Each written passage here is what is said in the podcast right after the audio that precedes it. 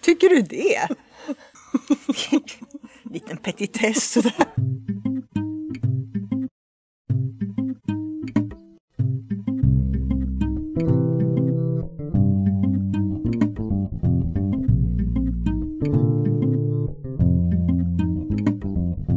Hej! Det här är podcasten Social by Default igen och idag sitter vi på fjärde våningen uppe på Knowits kontor här i Stockholm och spelar in. Och precis som vanligt så är det jag, Sara Larsson Bernhardt, som tillsammans med Deeped Niklas Strand driver den här podcasten. Podcasten Social by Default, precis som konceptet, är ett samarbete mellan Know It Experience och United Power. Och vill du läsa mer om oss så kan ni göra det på socialbydefault.se. Och har ni kommentarer? Har ni idéer för kommande avsnitt? Twittra med hashtaggen socialbydefault eller prata med oss på vår Facebook-sida. Hej Sara! Hej Niklas! Vad gör vi i Stockholm? Idag har vi haft en lunchföreläsning för ungefär, ja, kan det ha varit 150 personer? Och det där, då pratade vi om personligt varumärkesbyggande eller kanske till och med ex, hur man bygger expertvarumärken och hur man får lov att vara en ambassadör och använda sig av sociala medier. Mm. Spännande. Ganska många sådana frågor just nu. Just att haka i varandras varumärke mycket. Mm. Jag menar, förut har vi pratat personligt varumärke, det är många som pratar där. Men det här är ju någonstans i liksom ljuset av att faktiskt vara en del av ett annat varumärke också. Men det egentligen så är det ju en ganska naturlig trend med tanke på att vi har ju pratat influensmarknadsföring mm. väldigt mycket. Hur det är personer som har möjlighet att påverka kanske i högre grad än vad logotyper har. Och det gäller ju samma sak när det gäller företag. Att man behöver ju använda och nyttja de personer som finns mm. där. Och de här blir ju nano-influenser inom sin nisch. Mm. Och, och,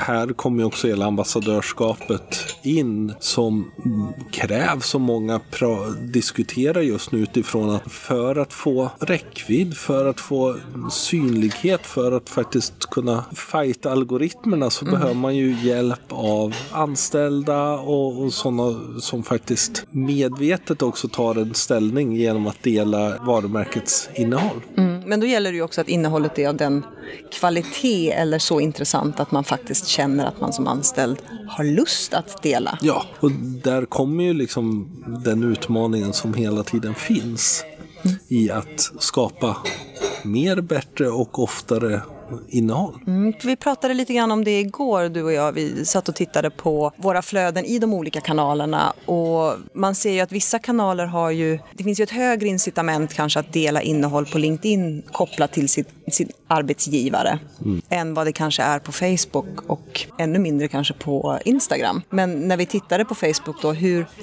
väldigt få sidor egentligen som slår igenom utan det som sidor har skapat är det andra som delar och det är det vi ser i våra flöden. Mm. Det finns samtidigt också en diskussion om det här. Hur mycket kan man begära av sina anställda att dela? Ja, och den är ju alltid problematisk för att jag tycker att om man som företag ger personer i företaget möjlighet att utveckla sin expertkunskap och möjlighet att faktiskt få lov att vara en ambassadör även på arbetstid. Då tycker jag också att man kan kanske begära lite mer mm. utav de anställda. Sen tycker jag, och det här är mitt eget personligt tyckande, att vissa positioner behöver vara med och, att, och sprida varumärket. Mm. Alltså mellanchefer, affärsområdeschefer, VD. De här posterna behöver steppa fram och visa sig stolta över det företag de arbetar på. Det kanske är lättare att kräva det av en sån roll än någon som jobbar på, eh, på golvet. Så är det. Sen tycker jag också en viktig del är att börja se att det finns processer på plats så att man kan göra det enkelt. Mm. Eh, att man faktiskt vet vad som postas. För självklart, man kan förutsätta att alla ska följa sitt företag i alla kanaler. Men det kanske man inte gör eller man ser inte. Man kanske inte själv alltid är där inne där det dyker upp och sådär. Och då finns ju idag olika funktioner och tjänster och så mm. som där företaget ändå kan då hjälpa sina ambassadörer att bli ambassadörer. Mm, jag vet att vi testade ett sådant verktyg på Knowit. Mm. Vilket innebar att jag varje dag i min mailbox fick veta om det fanns några nya uppdateringar. Och här kunde jag som anställd då gå in och lägga upp en uppdatering och säga att ja, men det här har hänt, det här tycker jag är intressant. Och då hade man ett antal administratörer då som förpackade det på ett bra sätt. Mm. Och så gick det ut mejlledes och då kunde jag dela det i de flöden där jag kände att jag ville koppla ihop det här mm. verktyget med. Vilket var extremt smidigt. Mm. Och en annan sak är just att titta på, ja men har man experter som skulle vilja vara expert. Både som du var inne på, att faktiskt ge tid att mm. vara expert och kommunicera det. Men också se till så att till exempel, ja, men, om många vill blogga, ja, men se till att göra en gemensam blogg och skapa den och lyfta upp den och satsa på den. Ge dem möjlighet om de skulle vilja göra tipsfilmer eller how-to-filmer. Ja, men, se till så det finns så att säga, en logistik och en plattform för att göra det på. Därför, jag menar, ofta faller det på det, liksom att man inte vet hur man ska göra eller man har inte en teknik som behövs. Jag tror den är en av de stora frågorna vi ändå kommer framöver som hänger, som du sa, ihop med influencers men också hänger ihop med algoritmer och sådana saker. För det är ju otroligt mycket svårare idag faktiskt att nå igenom det här bruset. Mm. Så man behöver ju nyttja alla möjligheter man har. Något som slår igenom bruset ganska mycket nu, i alla fall i mitt brus, det är ju eh, diskussionen om fake news eller alternativa fakta. Och vi har ju pratat om det tidigare med hela trumpifieringen av, av sociala medier när vi ja, tycker att han precis. dyker upp överallt.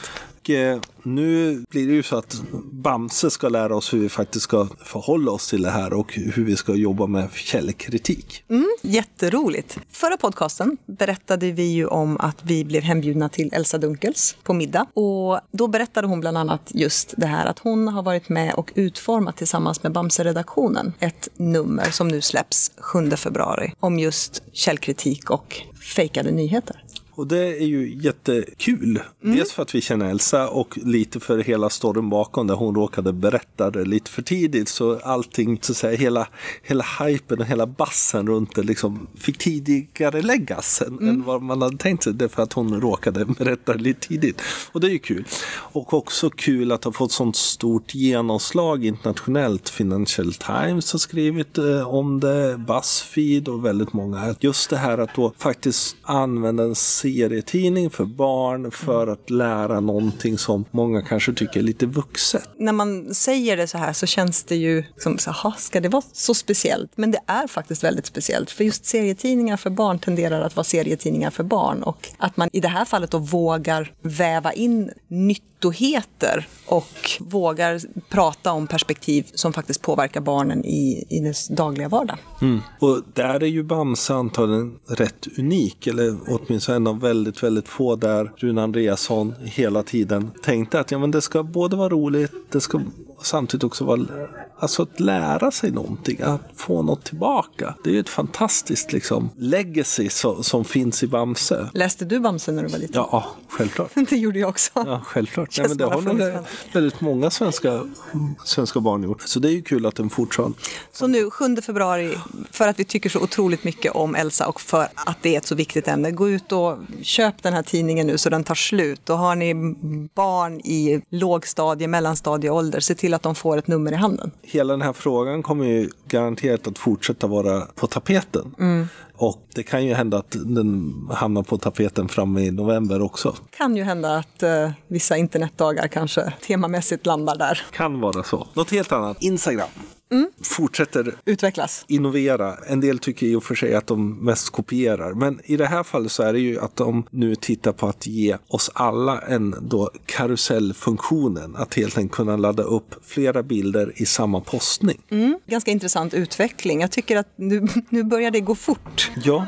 Det känns som att de innoverar och utvecklar den här appen hela tiden. Just möjligheten då som man som företag har haft tidigare när man har köpt sig synlighet på Instagram att kunna ladda upp åtminstone upp till fyra bilder och en film kommer nu komma och rulla ut mainstream. Det är lite lustigt tycker jag att de ändå testar på Android först. Det är lustigt.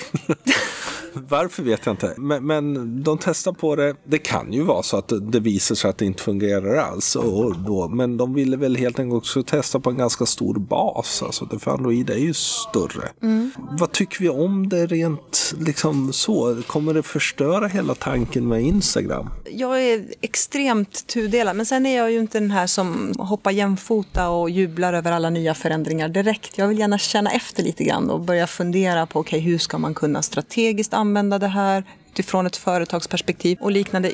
Jag kan fundera på om de kanske äter lite på sin egen storyfunktion. Mm, kanske. Jag kan nog se att det, det, som kan bli intressant med om det är snyggt gjort dels, är ju att du får en ytterligare möjlighet att faktiskt berätta en story med snygga bilder i det vanliga flödet. Mm. Och där egentligen stories-funktionen ju inte har någonting med snygga bilder att göra. Lite sådär, att den är ju en, en mycket mer, säger, ett rått flöde av liksom saker som händer och det är det som är spännande. Liksom. Det, det, är ju sällan roligt i stories när folk har laddat upp snygga bilder. Liksom. Mm. Alltså, några som jag tror kommer hoppa på det här extremt tidigt i så fall, det är ju konfektionsbranschen som kan plocka in mycket av sitt e-handelstänk in mm. i de här uppdateringarna. Då att första bilden du ser, ja men då är plagget på modellen framifrån och sen har du möjlighet att snurra modellen Sådana ett varv. saker också, ja precis. Eh, så att ja, jag tror att vi behöver se det lite grann för att landa i det. Det som vi kan konstatera återigen, det är ju att vi idag har liksom inte de här traditionella plattformarna som vi hade förr när vi pratar Facebook, när vi pratar Instagram så inser vi att de har utvecklats till multifunktionella plattformar. Mm. Och det här gör ju det både roligare och mer utmanande, både för oss som skriver strategier men mm. också mm. för företag när de arbetar med det. Man behöver ju använda dem på ett smart sätt liksom, och se både hur man ska använda dem men också för att få folk att uh, använda det. Framförallt live-funktionerna kommer ju kräva, för att det ska bli någon mening med det, kommer ju kräva att man faktiskt tänker till lite innan. Mm det har ju utvecklats jag menar, tittar man på, på LinkedIn idag så, så är, består de av sex stycken appar. Tittar man på Facebook så finns det ett antal appar som gör att, jag menar, hur ska du använda ditt vanliga Facebookflöde? Vad har du för strategi för din Messenger? Vad har du för strategi för din grupp? Hur ska du kunna implementera live i det här? Och nu då vet jag att du berättade om att de funderar på att lägga sin storyfunktion i huvudappen. I huvudappen. Mm. Så det här behöver ju man sätta en strategi för att inte bara att vi ska vara på Facebook utan hur ska vi använda alla delar? Mm. Börjar ju bli samma sak i de andra, på de andra plattformarna. Så kanalerna blir ju viktiga på så sätt och att liksom faktiskt börja titta på kanalstrategier och liknande. Men också det hur man egentligen utnyttjar de nya funktionerna, för där är vi ju inte alls ännu. Många företag som försöker, men det blir lite sådär att det är nästan samma bild som man sen ser i det vanliga mm. flödet. Och då är det ju inget kul. Nej, då det är det ju bara en upprepning. Ja, men och då blir det ju lite det vi har pratat om när det gäller kommunikation kommunikation, eller reklam snarare. Att man har tagit traditionell reklam och kommunikation som har varit ganska mycket envägs och så lägger man det i sociala kanaler och så mm. blir man en digital anslagstavla. Och här tar du det och så lägger du det i nästa flöde och mm. nästa flöde. Sen är ju det här ett av de stora utmaningar man har. Därför jag menar, ska man vara på många kanaler eller i många delar av en kanal och, och ändå inte har tillräckligt med resurser, som alltid en fråga, liksom hur, hur, man har resurser, då blir det ju väldigt lätt att man börjar duplicera eller gör ungefär samma sak överallt istället för att mm. tänka, ja men live, det, då är man i ett riktigt liksom, läge med konversation direkt eller se precis vad som är där och då. Medan stories, disposable media-tanken bygger ju väldigt mycket upp en, en känsla av att mm, jag får vara med lite bakom scenen. Det är liksom lite rått, det är lite mer oredigerat och samtidigt så kan man sen landa då på det som blev den snygga bilden eller den mm. slutliga filmen eller någonting sådär. Då det finns en story. I storyn där behöver man arbeta med att hela tiden fungera. Vad är varje format till för? För om man, om man lyssnar egentligen på vad det är du säger i det här och hur de här kanalerna då har utvecklats så har vi ju egentligen vissa delar av kanalen som är lite mer on demand. Mm. Vissa delar av kanalen som är realtid. Mm. Och vissa delar av kanalen som är super live disposable. Och då gäller det ju att planera för alla de här delarna och fundera på hur kan vi nå målgruppen så att vi kan få dem att följa med överallt eller vara mm. intresserade mm. av allt. Och det är ju den kreativa utmaningen många gånger. Mm. Att dels hitta en historia som håller för det, att göra det och eh, sen göra det, att genomföra det. Och, och det är ju, jag tycker ju till exempel Instagram stories är jätteroligt. Jag tyckte Snapchat var kul. Mm. Jag kan tycka att Instagram stories är roligt. För någonstans finns den här ändå att, ja men och så ser man en annan bild från någon som är lite snyggare. Där de, alltså även bland sina vänner så är liksom, det är lite hej och hå, tjosan tjosan på liksom stories och man får liksom lite småroligt och sådär. Och så sen finns någon snygg bild från, från liksom. Det var det här. Och, ja, lite sådär. Och jag tycker liksom det där blir för företag också att utmana och göra det. Och jag, jag gillar det som händer nu. Jag gillar också så tanken på att göra saker som faktiskt inte blir kvar. Det är ju, för oss då, vanliga dödliga, så är det lite, lite skönt att veta att okej, okay, det här kommer försvinna om 24 timmar. Det är ingenting som kommer vara präntat. Men som företag och organisation så blir ju det ett nytt sätt att tänka. Ska mm. vi lägga ner tid och resurser på någonting som... Faktiskt försvinner. Ja. Antingen direkt eller inom 24 timmar. Samtidigt, ganska många saker försvinner ändå. Ja, men de gör ju det. det ju... vi har ju en kortare livscykel på det mesta vi gör. Mm. Men, men självklart är det en sån grej, för vi är vana att det vi har producerat ska finnas kvar. Men då får man ju också säga att är någonting som försvinner inom 24 timmar så kan man ju faktiskt återanvända åtminstone idén eller faktiskt liksom ungefär samma saker igen. Och så långt minne har vi inte alltid. Nej, det, så är det ju. Men det här gäller ju också då att man tänker till om vi då tar live till exempel, och Instagram live då som släpptes uh, förra veckan för alla. Ska man då köra en live som är disposable på riktigt? För jag menar, live på Facebook stannar ju ändå kvar. Mm. Men live på Instagram som det ser ut nu, det är ju borta så fort du mm. släpper mm. fingret från inspelningsknappen. Då gäller det ju att man förbereder och använder de andra delarna av kanalen för att skapa förutsättningarna för att okej, okay, jag vet att ni har en live då. Mm. Då måste jag gå in och titta. Mm. Det är spännande. Och som av en händelse så har vi ju faktiskt eh, satt ihop en kurs runt mm. Disposable Media och Superlive. För vi tror att det finns idag, vi hade ju en Snapchat-kurs mm. som var jättekul att göra. För den var ju väldigt hands-on. Back to basics. Ja, verkligen. Men, men det som har hänt nu är ju någonstans att Snapchat är ju liksom... Det har ju utmanats ja. ordentligt. Så det vi har gjort är att vi har stoppat in Snapchat i då en kurs som då handlar om de här nya formaten mm. i de gamla kanalerna och hur man faktiskt ska arbeta med dem. Dels tänka runt live och sånt saker, men också hur man får ihop hela delarna i ett mer strategiskt tänkande. Så det kan ni läsa om på, eh, vi lägger självklart en länk eh, till det. Och Annars så finns det ju på socialbydefault.se. En sak med det här som, som, också, som jag var inne på är, är ju med resurser. Mm.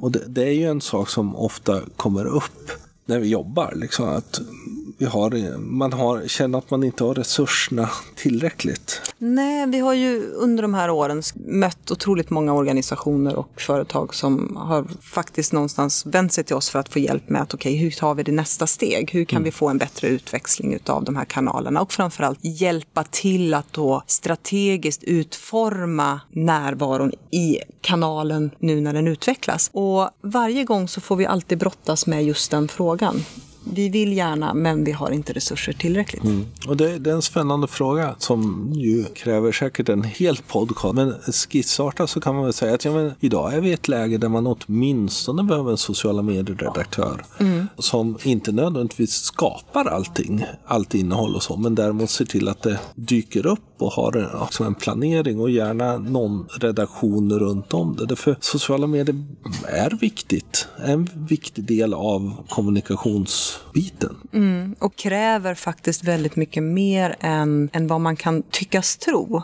Det har gått ganska fort och framför allt så ser vi ju hur algoritmerna hela tiden går in och vi behöver förhålla oss kring dem. Samtidigt som det också finns en otroligt hög informationsdensitet mm. i de här kanalerna. Så frågan som vi brukar ställa oss då när vi, när vi sitter och diskuterar är ju, okej, okay, ni har inte resurser för att skapa det som krävs. Men om ni gör det ni har resurser till och ni inte når dit ni vill nå, kostar inte det väldigt mycket mer då? Mm. Och framförallt att ta sig i kapp. Så det här är ju fortfarande viktigt och, och en intressant bit att se. Nästa vecka har vi kurs på Bergs. Ja, det ska bli jätteroligt. Ja, eh, om det skulle vara, för det här släpps ju på söndag, eh, söndag kväll. Mm. Om det är någon som skulle känna att, ja men för fasen, jag har inte så mycket att göra den här veckan. Jag kan gå och bygga varumärken. Så vet vi att det finns någon plats kvar. Mm. Så ta kontakt med Bergs, Anette Hammel på Bergs, om ni känner att shit, jag, nej men det ska jag göra. Så bara ett tips liksom, att umgås lite med oss eh, den här veckan som ni lyssnade här på. Och det var det vi hade för idag. Eh, lite kortare än vanligt, men hoppas att ni tycker om innehållet. Ja, som vanligt läcker vi in eh, länkar och show notes som ni hittar på podcast.socialbydefault.se. glöm inte att prenumerera på podcasten. Finns på iTunes såklart. Vi lägger ju på Soundcloud. Där kan man lyssna också och prenumerera. Vi finns på Acast och vi finns på Stitcher. Och överallt så kan du söka på som social by default så dyker vi faktiskt upp. Och gillar ni vår podcast, ge den jättegärna betyg och vill ni göra oss glada så recensera den gärna. Och har ni tips på tema eller innehåll som ni funderar över och ni vill vi ska plocka upp så antingen så vänd er till oss på vår Facebook-sida eller twittra till oss så lägger vi in det i vår bucketlist. Vad heter du på Twitter då? Jag heter Sanna C. LB, precis överallt. Och jag heter Deeped och det är vi som är social by default. Så är det. Så till nästa vecka. Tack så mycket.